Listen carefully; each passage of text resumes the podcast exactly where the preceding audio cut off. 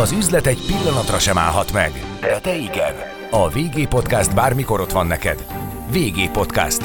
Becsatornáz a piaci hírek, pénzügyek, gazdasági trendek világába. Eltűnt az érdeklődők és a vevők nagy része, jó része a lakáspiacról. Kinek kedvez ez a mostani helyzet? VG Podcast. Becsatornáz a piaci hírek, pénzügyek, gazdasági trendek világába. VG Podcast. Üzletre hangoló. Üdvözlöm a Világgazdaság podcastjának hallgatóit, Sándor Tünde vagyok, a Világgazdaság újságírója. Vendégem pedig Gadanet Zoltán, a GDN ingatlanhálózat alapító tulajdonosa, akivel az aktualitásokról fogunk beszélgetni. Köszöntelek a stúdióban, Zoltán. Szép napot kívánok mindenkinek, és köszönöm a meghívást. Aki ma az ingatlan piacon mozog, annak ez mindenképpen egy bevételcsökkenést jelez ez a csökkenő tranzakciószám. Hogy kezded az évet? Van benned optimizmus, vagy pedig úgy érzed, hogy ez egy hosszantartó lejtmenet, ami most kezdődött? Csak optimizmus van bennem egyébként, és ennek az az oka, mert nem lejtmenet van, hanem a tavalyi év közepe óta, tehát nyár eleje óta egy igazi beszakadás van. Hogyha egy grafikon nézünk, akkor azt lehet mondani, hogy különböző mértékben, de minden egyes hónapban visszaesés volt, és volt olyan hónap, amikor ez akár elérte a kereslet szempontjából az 50%-ot, volt, amikor a 20-at, de, de összességében azt kell, hogy mondjam, hogy egy 40%-os keresleti visszaesés van, Ugye ez már ö, több mint fél éve tart. Tehát, hogy ö, innentől kezdve nem beszélhetünk lejtmenetről, hanem egy általánosságról beszélhetünk, tehát máshol helyeztük az origót, ahonnan kiindulunk a számok tekintetében. Ugye ez azért volt nagyon érdekes a tavalyi évben, mert egy olyasmit élhetünk át, mint a Covid idején, hogy egyik napról a másikra tulajdonképpen egy erős visszaesés következett be. Viszont a Covid idején két hónap alatt ez, ez tulajdonképpen vissza is pattant. És egy további emelkedésbe csapott át. Itt viszont ez, ez elmaradt ez a visszapattanás. Az látszik, hogy hónapra hónapra egy kicsit jobb a helyzet, de alapvetően ö, ugyanazon a mély ponton vagyunk, vagy hát fogalmazunk, ugye azt beszélgettük a kollégákkal, hogy meg kell tanulnunk sekélyvízben úszni, tehát ez nagyon érdekes, mert egyszerűen a helyzetet észre kell vegyük, hogy ugyanoda jutottunk vissza, mint mondjuk 2008-2009-ben, ami kezdődött, hogy ez a kereslet visszaesés, ez egyszerűen jelen van, és máshogy kell hozzáállni a piachoz. Bár, bár nagyon sokan elkezdték azt mondogatni, hogy nem a 2008-as, 2009-es helyzet van, akkor ezek szerint van, ahol az van. Az Egyébként látszik. nem, nekik igazuk van, tehát olyan szempontból ö, nem az van, hogy nagyon sok minden pozitívabb ahhoz képest.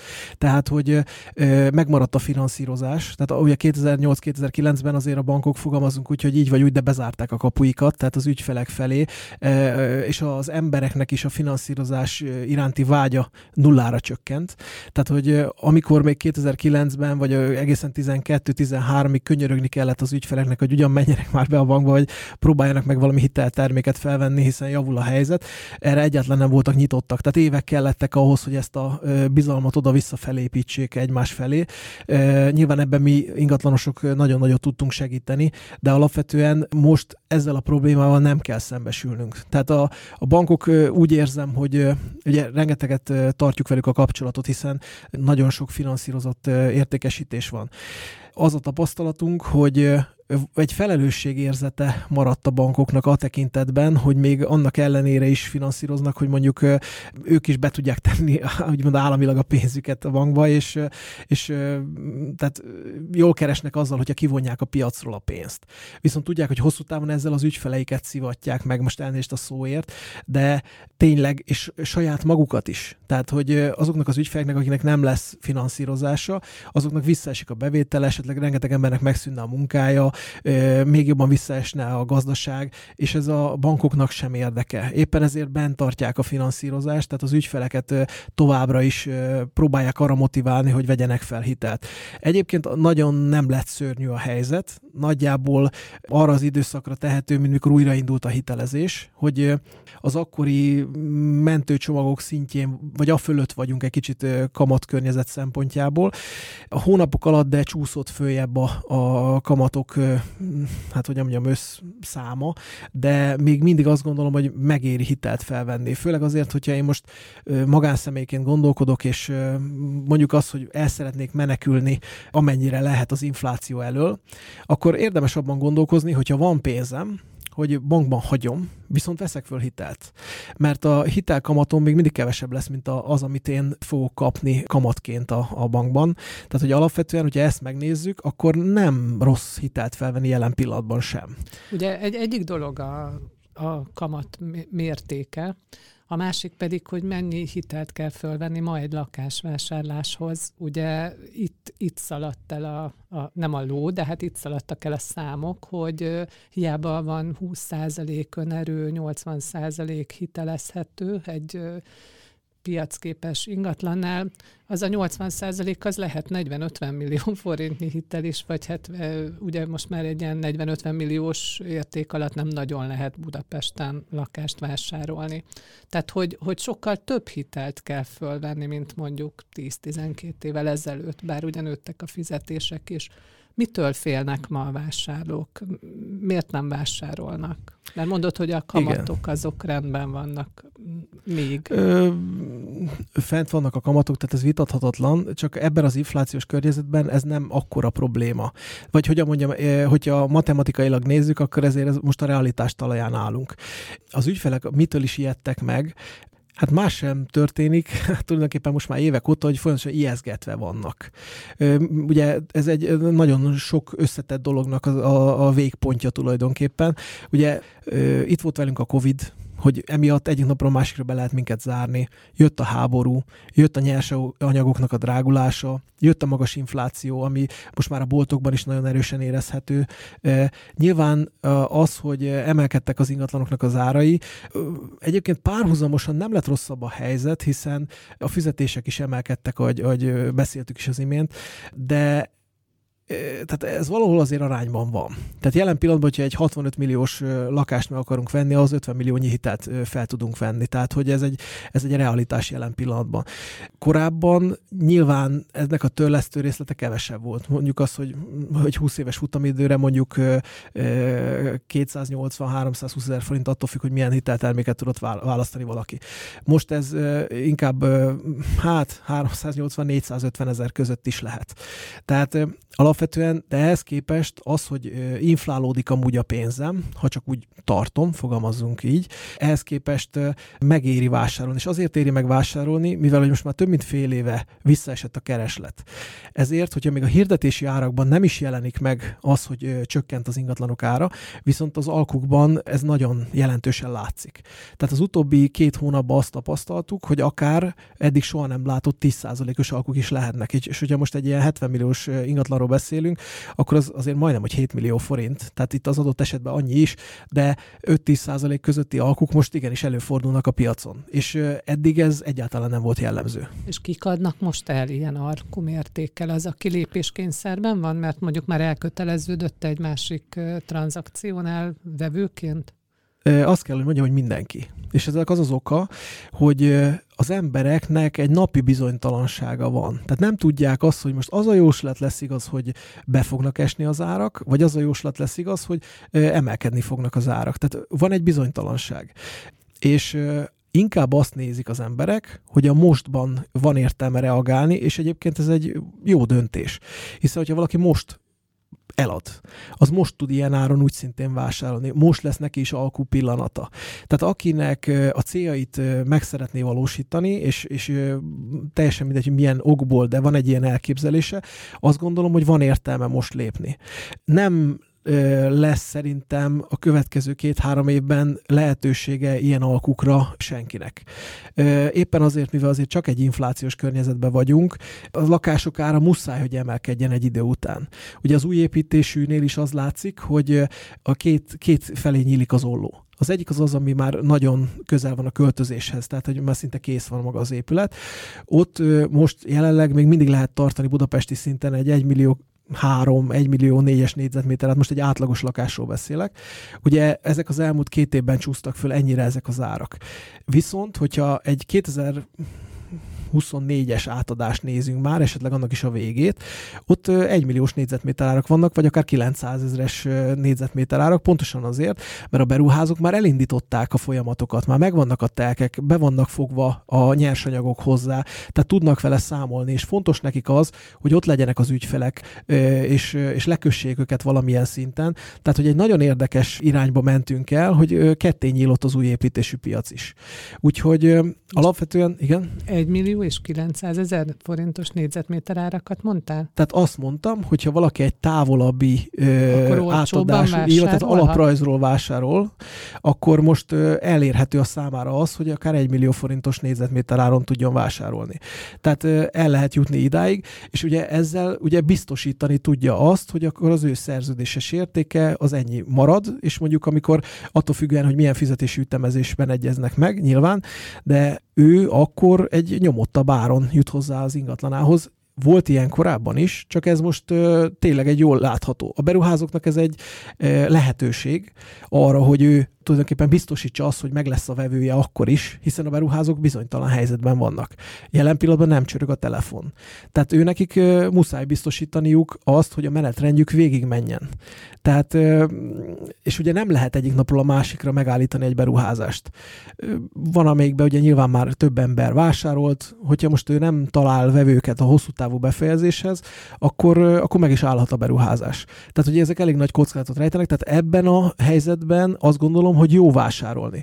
Tehát aki teheti, én úgy gondolom, hogy van értelme lépni, és nem kell félni az ijeszgetéstől, és elmondom azt is, hogy miért. Azért gondoljuk végig.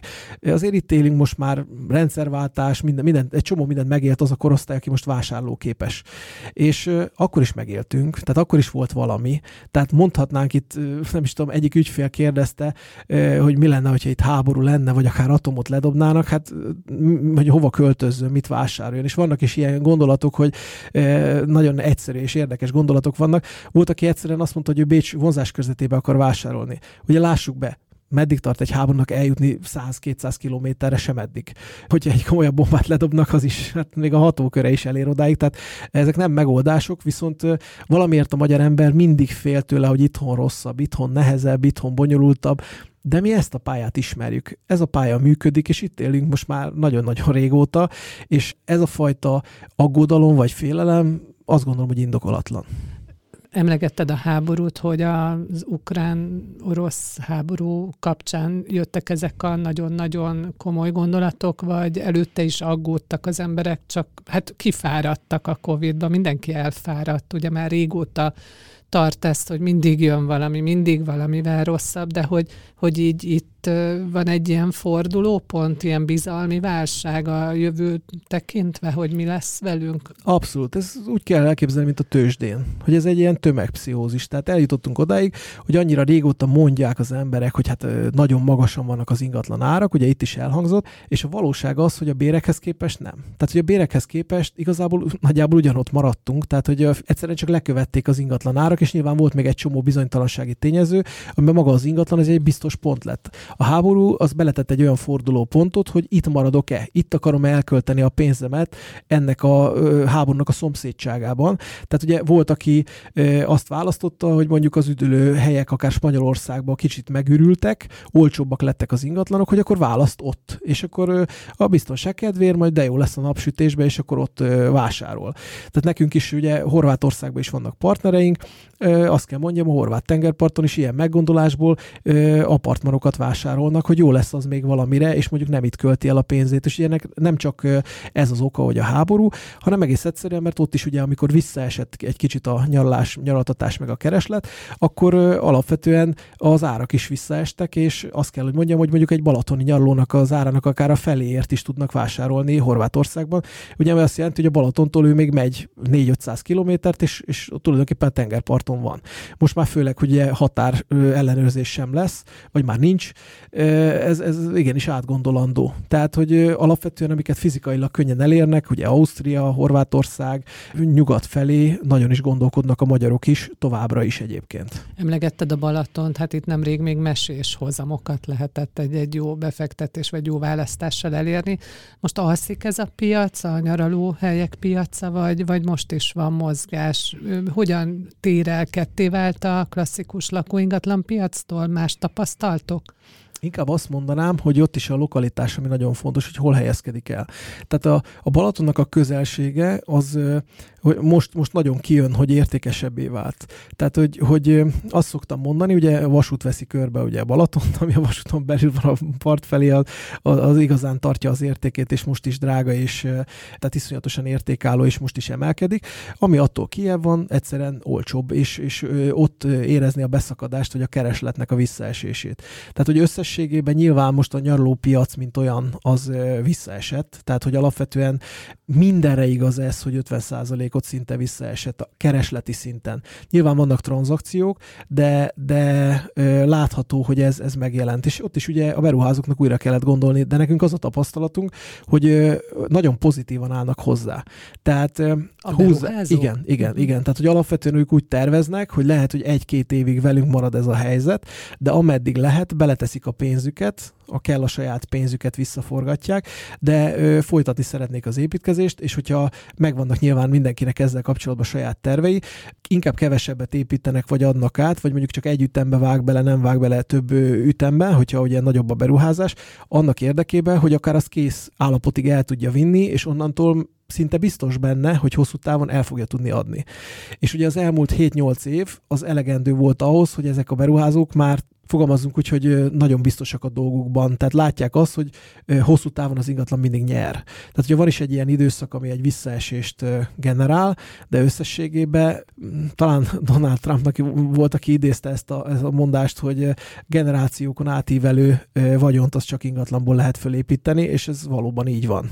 Tehát igazából, hogyha valaki hosszú távon gondolkodik, akkor ez mindenképpen megéri. Most egyébként rövid távon is van ennek létjogosultsága, pontosan azért, és mondok egy egyszerű példát, Ugye Covid idején is volt beszakadás, és akkor maradjunk egy átlagos mondjuk 50 négyzetméter körüli panellakás áránál, hát nagyjából egy hónapon belül egy, egy 34 milliós panellakást meg lehetett venni 28-ért. Tehát aki abba az időszakban észrevette ezt a, ezt a rést, ezt az új lehetőséget, és vásárolt, az tulajdonképpen várt kevesebb, mint fél évet, és onnantól már 42 ér, vagy akár 45 ér árulta ugyanezt az ingatlant, és esetleg viszonylag hamar meg is érkezett rá a vevő.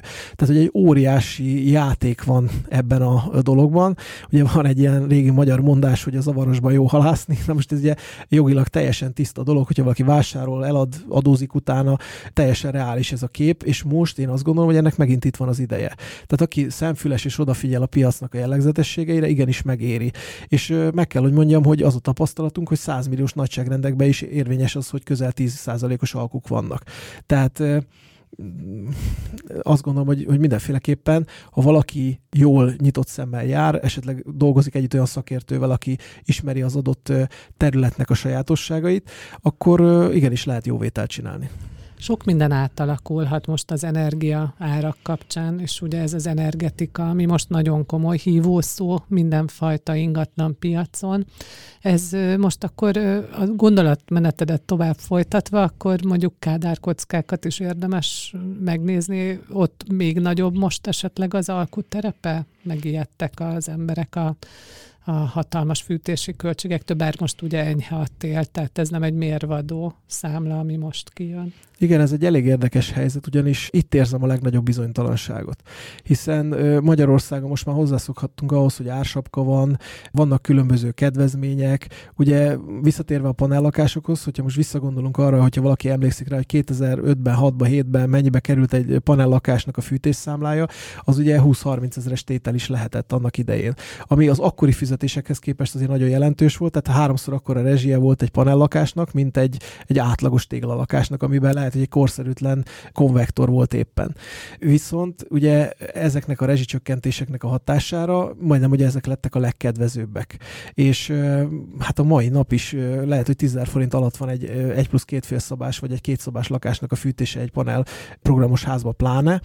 Innentől kezdve egy nagyon jó vásárlói lehetőség lett a panel panel is. Tehát, hogy ezek is érdekesek, viszont ugye itt, mivel nem a piacot követjük, és nem tudjuk azt, hogy a, a kormány éppen milyen szabályzás vagy kedvezményt ad, ezért az emberek ez alapján furcsa módon nem tudnak mérlegelni igazán. Hiszen nem tudja, hogy holnapra eltörlik-e, mint hogy a benzin is egyik napról a másikra újra piacivá vált, és onnantól kezdve 7-8 szorozódhat, akár tízszereződhet valaminek a, a rezsie, vagy a fenntartási költsége összességében. Hát ilyen Tehát, logika mentén ugye a szabályozható fűtés például ugye az a, az a legértékesebb, akkor le tudja kapcsolni, nem egy általány fizet. Így van, és ugye egyre nagyobb teret nyer, és ennek nagyon örülök a, az elektromos fűtés is, mint olyan. Tehát nyilván ennek a hőszivattyús verziója a leggazdaságosabb, hiszen háromszor olyan gazdaságos, mint mondjuk egy sima fűtőszállal megoldott valamilyen fűtés, de alapvetően az embereknek kinyitotta a tudatát, hogy több alternatíva van. Tehát ugye azért mi nagyon röghöz kötöttek vagyunk. A lakás az téglából készül, a fűtés az egyedi cirkó, és gázzal megy, tehát hogy nagyon-nagyon le vagyunk korlátozva a fejben, hogy mi az, ami működik. De azért lássuk be, főleg, hogyha önálló épületről van szó, tehát családi házról, vagy bármilyen más önálló ingatlanról, a napelem az azért elég jó megoldás. Ugye még akkor is, hogyha nincsen rá támogatás, vagy, vagy nem tudjuk olyan szinten felhasználni. Ma, ha valaki mégis beruház napelemre, tulajdonképpen egy-két év alatt, vagy azt mondom, hogy három-négy év alatt biztosan megtérülhet a beruházási költsége, hiszen most, ahogy emelkednek az energiaárak, ez igazából egy realitás, hogy maga a piaci alapon megéri beruházni ilyen dologba, hiszen 10-20 éves távlatban mindenféleképpen van ennek értéke, és az ingatlannak egy óriási, hogy mondjam, segítség egy értékesítés során, hiszen a rezsibe ilyen szempontból biztosított lehet, hiszen gázt otthon nem tudunk előállítani, meg üzemanyagot se, viszont a napelemmel áramot igen. Most és, ugye, igen, bocsánat. És csak annyi, hogy, hogy nagyon egyszerű, tehát például a hőszivattyús megoldással, hogyha víztárolóra dolgozik a, a hőszivattyú nap közben, és azt napelemmel tudjuk meghajtani, akkor a forró vizet azt éjszaka a fűtésrendszerben lehet felhasználni, tehát alapvetően még az se probléma, hogy éjszaka nem süt a nap, és működik a rendszer. Belekezdtünk egy kicsit a kádárkockákba, most ugyanahogy itt beszéltél, elképzeltem a napelemekkel felszerelt hőszivattyús kádárkockákat, amik nem is tudom milyen kocka néven futhatnak majd a köztudatba később, vagy a közbeszédbe, de de kanyarodjunk ide-vissza, mert számosságokat, tehát nagyon sok ilyen épület van Magyarországon, és, és nagyon elavultak. Mi, mire számít az, hogy, hogy felkeltik az, a befektetők érdeklődését ezek az épületek? Mert ugye a lokáció a legfontosabb az ingatlan piacon, tehát nyilván egy olyan területen, ahol munkahely sincs, bár ugye távmunkára is van lehetőség, de mondjuk egy kevésbé kedvelt területen az az árkülönbség az mindig megmarad, de van, ami olyan területen van, vagy olyan agglomerációban, például a főváros agglomerációjában, ahol továbbra is egy értékes lakóövezet, ahol megéri felújítani, hogy hogy mit, mit látsz ezen a piacon? Mondtad, hogy itt a legnagyobb az elbizonytalanodás. Megállt akkor ez a piac, vagy pedig, mert ugye eltűntek most a felújítási támogatások, vagy nem, nem hirdették meg egyelőre, bár várja mindenki, de mi van most? Kivárás? Alapvetően az van, hogy itt a legnagyobb az árérzékenység. Tehát nem az van, hogy megállt, csak egész egyszerűen a, a, a tulajdonosoknak el kell dönteni, hogy mi a cél. Hogyha, hogyha tényleg valamilyen motivációtól vezérelten túl akar ö, esni az értékesítésen, akkor egyszerűen bele kell menjen az alkuba. Tehát mondjuk előfordulhat, hogy túl nagy ez a ház, már Igen. csak ketten élnek ott, akkor vissza kell venni azokból az elképzelés, tehát a méret, ugye? Tehát, hogy egy kisebb lakásban is, vagy lakásban, nem házban. Vannak olyan ö, kisebb építetők, ö, akik ö, már foglalkoznak ezzel, hogy ö, jóval nagyobb méretű, mint a mai elvárható ö, használati értékű ingatlanok ö, egy épület, és ö, akár kettőbe, háromba szedik szét. És, ö, és onnantól kezdve egy korszerűsített fűtéssel, ö, egy használati meg megosztási szerződéssel, vagy akár albetétesítéssel megoldják azt, hogy ezt szétszedjék. Önálló villanyórával, önálló gázórával, hogyha éppen olyan a fűtése, ezt abszolút meg tudják oldani és létezik ez a piacon már egyébként, van is, van is kereslet rá, mivel hogy olcsóbb, mint egy új építésű, nyilván lehet, hogy vannak hátulütői, de alapvetően összességében mindenféleképpen érdemes ezt átgondolni, mert egy részt egy beruházónak egy jó befektetési lehetőség, és egyébként a lakhatási értéke is ezeknek kiváló, én azt gondolom. Az, hogy a energiaár, az ugye benne van az üzemanyag ár is, ami szintén változott és változik. Tehát ugye ezzel élünk most már együtt, hogy, hogy, hogy valahogy az ember megpróbálja egy kicsit kontrollálhatóvá tenni a költségeit, azonnal beugrik az agglomeráció, ahova ugye nem csak vonattal, hanem nagyon sokan autóval járnak ki és be. Itt számítasz-e valamilyen nagy változásra? Hát igen, ez nagyon érdekes, ugyanis azt tapasztaljuk, hogy egy ilyen 7 éves ciklusokban, ami most egyébként kitolódott, de szokott egy kivándorlás és egy bevándorlás történni. Alapvetően ez valamilyen szinten szűkül, és most már élethelyzet függvényében költöznek ki az emberek, tehát ugye a családosok, kisgyerekesek, nekik mindenféleképpen a lelki nyugalmuk miatt, hogy a gyereket tényleg ki lehet jobban engedni, és, és fölfut a dombra és visszagurul, és hogy az mekkora élmény neki. Alapvetően tényleg ők azok, akik kiköltöznek, és ez egy, ez egy korosztálynak a sajátossága. És hogy ö, nagyobbak lesznek a gyerekek, és bevágynak a városba, fogalmazzunk így, vagy a központ felé, és az élet ö, pesgésére kíváncsibbak, ott újra elkezdenek abba gondolkozni, hogy a házat eladják, és akkor két lakást vásárolnak mondjuk bent a városba, vagy egy lakást vásárolnak bent a lá- városba. Ez, ez a természetes mozgás, ez egyébként folyamatos. Most biztos vagyok benne, hogy egy, egy visszavágyás fog történni, tehát a város felé, attól függően, hogyha valakinek van egy önálló épülete, és mondjuk tényleg napelemmel meg tudja támogatni, és esetleg vásárolt már elektromos autót, vagy hibrid autót, amit tud tölteni, tehát egy plug-in hibridet, akkor viszont gazdaságos ez a közlekedés. Nyilván ennek van amortizáció, de hát nem csak erre tudja használni, tehát a hétköznapjait is meg kell, hogy oldja valamivel. Tehát, hogy összességében így megéri, hiszen tudja ellensúlyozni a költségeket. És akkor egy olyan környezetben él, ami esetleg a hétvégeken, vagy, vagy a hétköznapok délutánjain kedvezőbb. És azt se felejtsük el, hogy ilyen home office is nagyon bele mászott az életünkbe. Tehát van olyan munkahely, ahova csak egy-két napot kell bejárni a városba, és otthonról a többit meg tudja oldani. És éppen ezért az agglomeráció az még jobban felduzzadt az utóbbi időben, tehát ezért van az, hogy ugye az ottani közművek nehezebben tudták lekövetni a lakosság növekedését. Én azt gondolom, hogy nem fog olyan szinten visszaesni, mint ahogyan korábbi időszakokban, egy ilyen megszorításos időszakban, hanem jobban fenn fogja tartani magát. Tehát az a, az a felduzzadás, ami megtörtént, az nem fog vissza visszaapadni. Tehát éppen emiatt az árak sem fognak csökkenni olyan szinten az agglomerációban, mint egyébként, ami korábban egyébként jellemző volt. Többször említetted ezt a 10%-os alkut, ezt lehetne területileg vagy ingatlan típusra behatárolni? Mert gondolom, hogy nem általánosan 10%. Így van, mind a kettőre igaz egyébként. Tehát, hogy tényleg, ahogy mondtad, a Kádár kocka, vagy azok a korszerűtlen épületeknél az abszolút inkább jellemző, illetve újra bejött az a fajta nézőpont, ami most már hát tíz éve nem volt velünk, hogy fontossá vált az, hogy mondjuk hova néz a nappali. Tehát régen az emberek nem választottak olyat, ami mondjuk éjszakra néz a nappali, mert hogy az nem lesz világos, az nem lesz olyan használható, és ezek a dolgok teljesen háttérbe szorultak az utóbbi időben, nem volt négyzetméter ár különbség, hogy most éjszakra néz vagy délre, vagy, vagy ilyen a beosztása, vagy olyan, tehát hogy ezek eltűntek, a négyzetméter ár volt a fontos. És most, hogy az emberek újra elkezdtek válogatni, és ugye életteret keresnek, alapvetően ezek is bejöttek a szempontok közé újra. Tehát sokkal inkább inkább visszatért ez a fajta, mondjuk így, hogy igényesség vagy válogatásnak a lehetősége, ami egyébként az utóbbi években teljesen kivonult. Régen ez fontos volt. Az utóbbi időben viszont tényleg háttérbe szorult.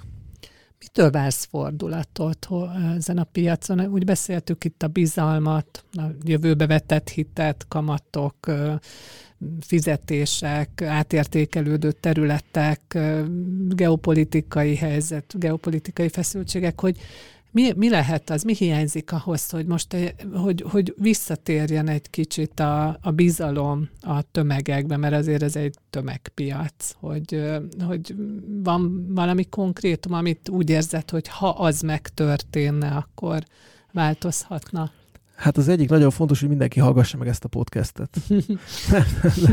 nem, egyébként... Hát a humor az fontos igen, a túléléshez, igen. És ne felejtsük, édesapám azt szokta mondani, hogy minden visznek a fele igaz. Igen. De uh, alapvetően tényleg azt gondolom, hogy ez tényleg egy ilyen, mint a tőzsdén egy ilyen pszichózis. Tehát, hogy alapvetően egy tömeghatás, túl sokszor, túl sokan mondták azt, hogy most óriási baj van.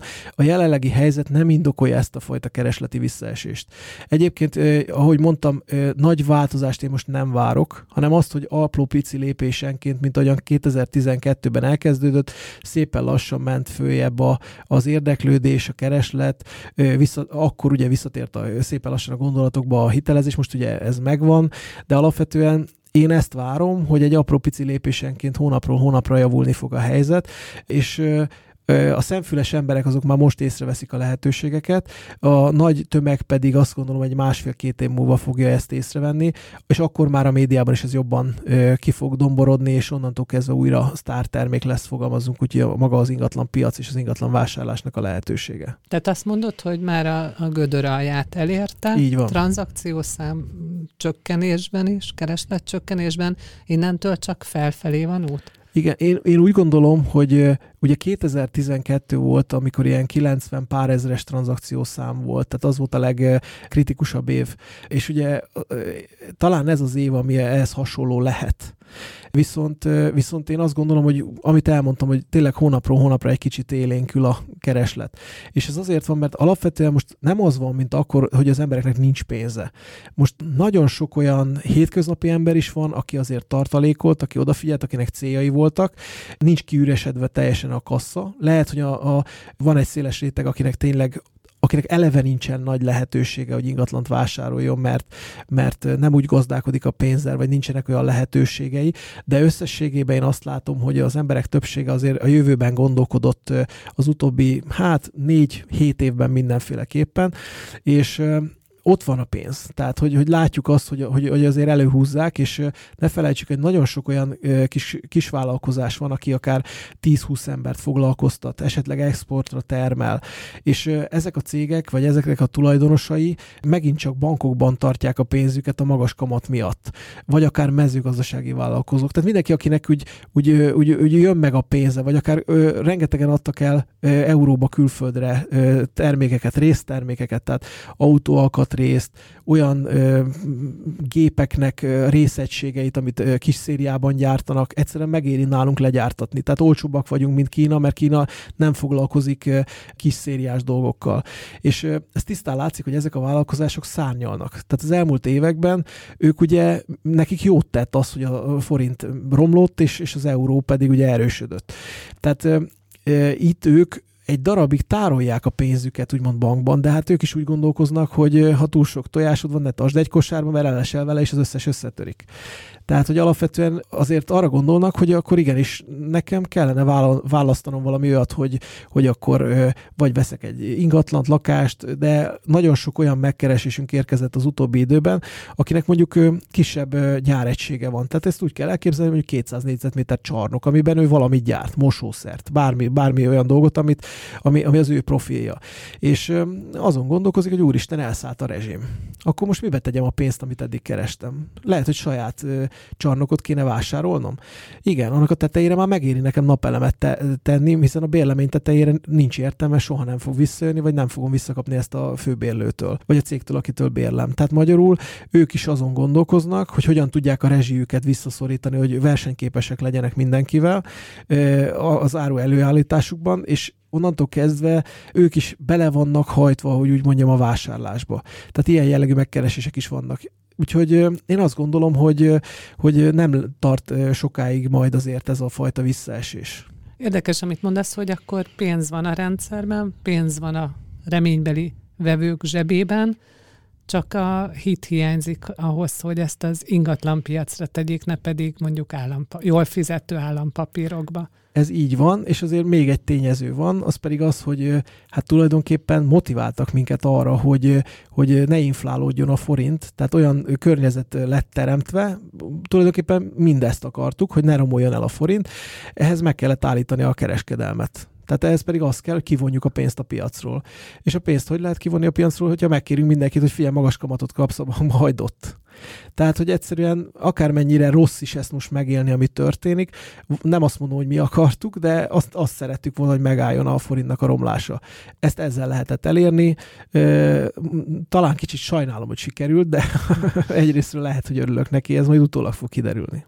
Hát, hogyha van miből lakást vásárolni, ingatlant vásárolni, akkor nektek így is úgy is jó lesz.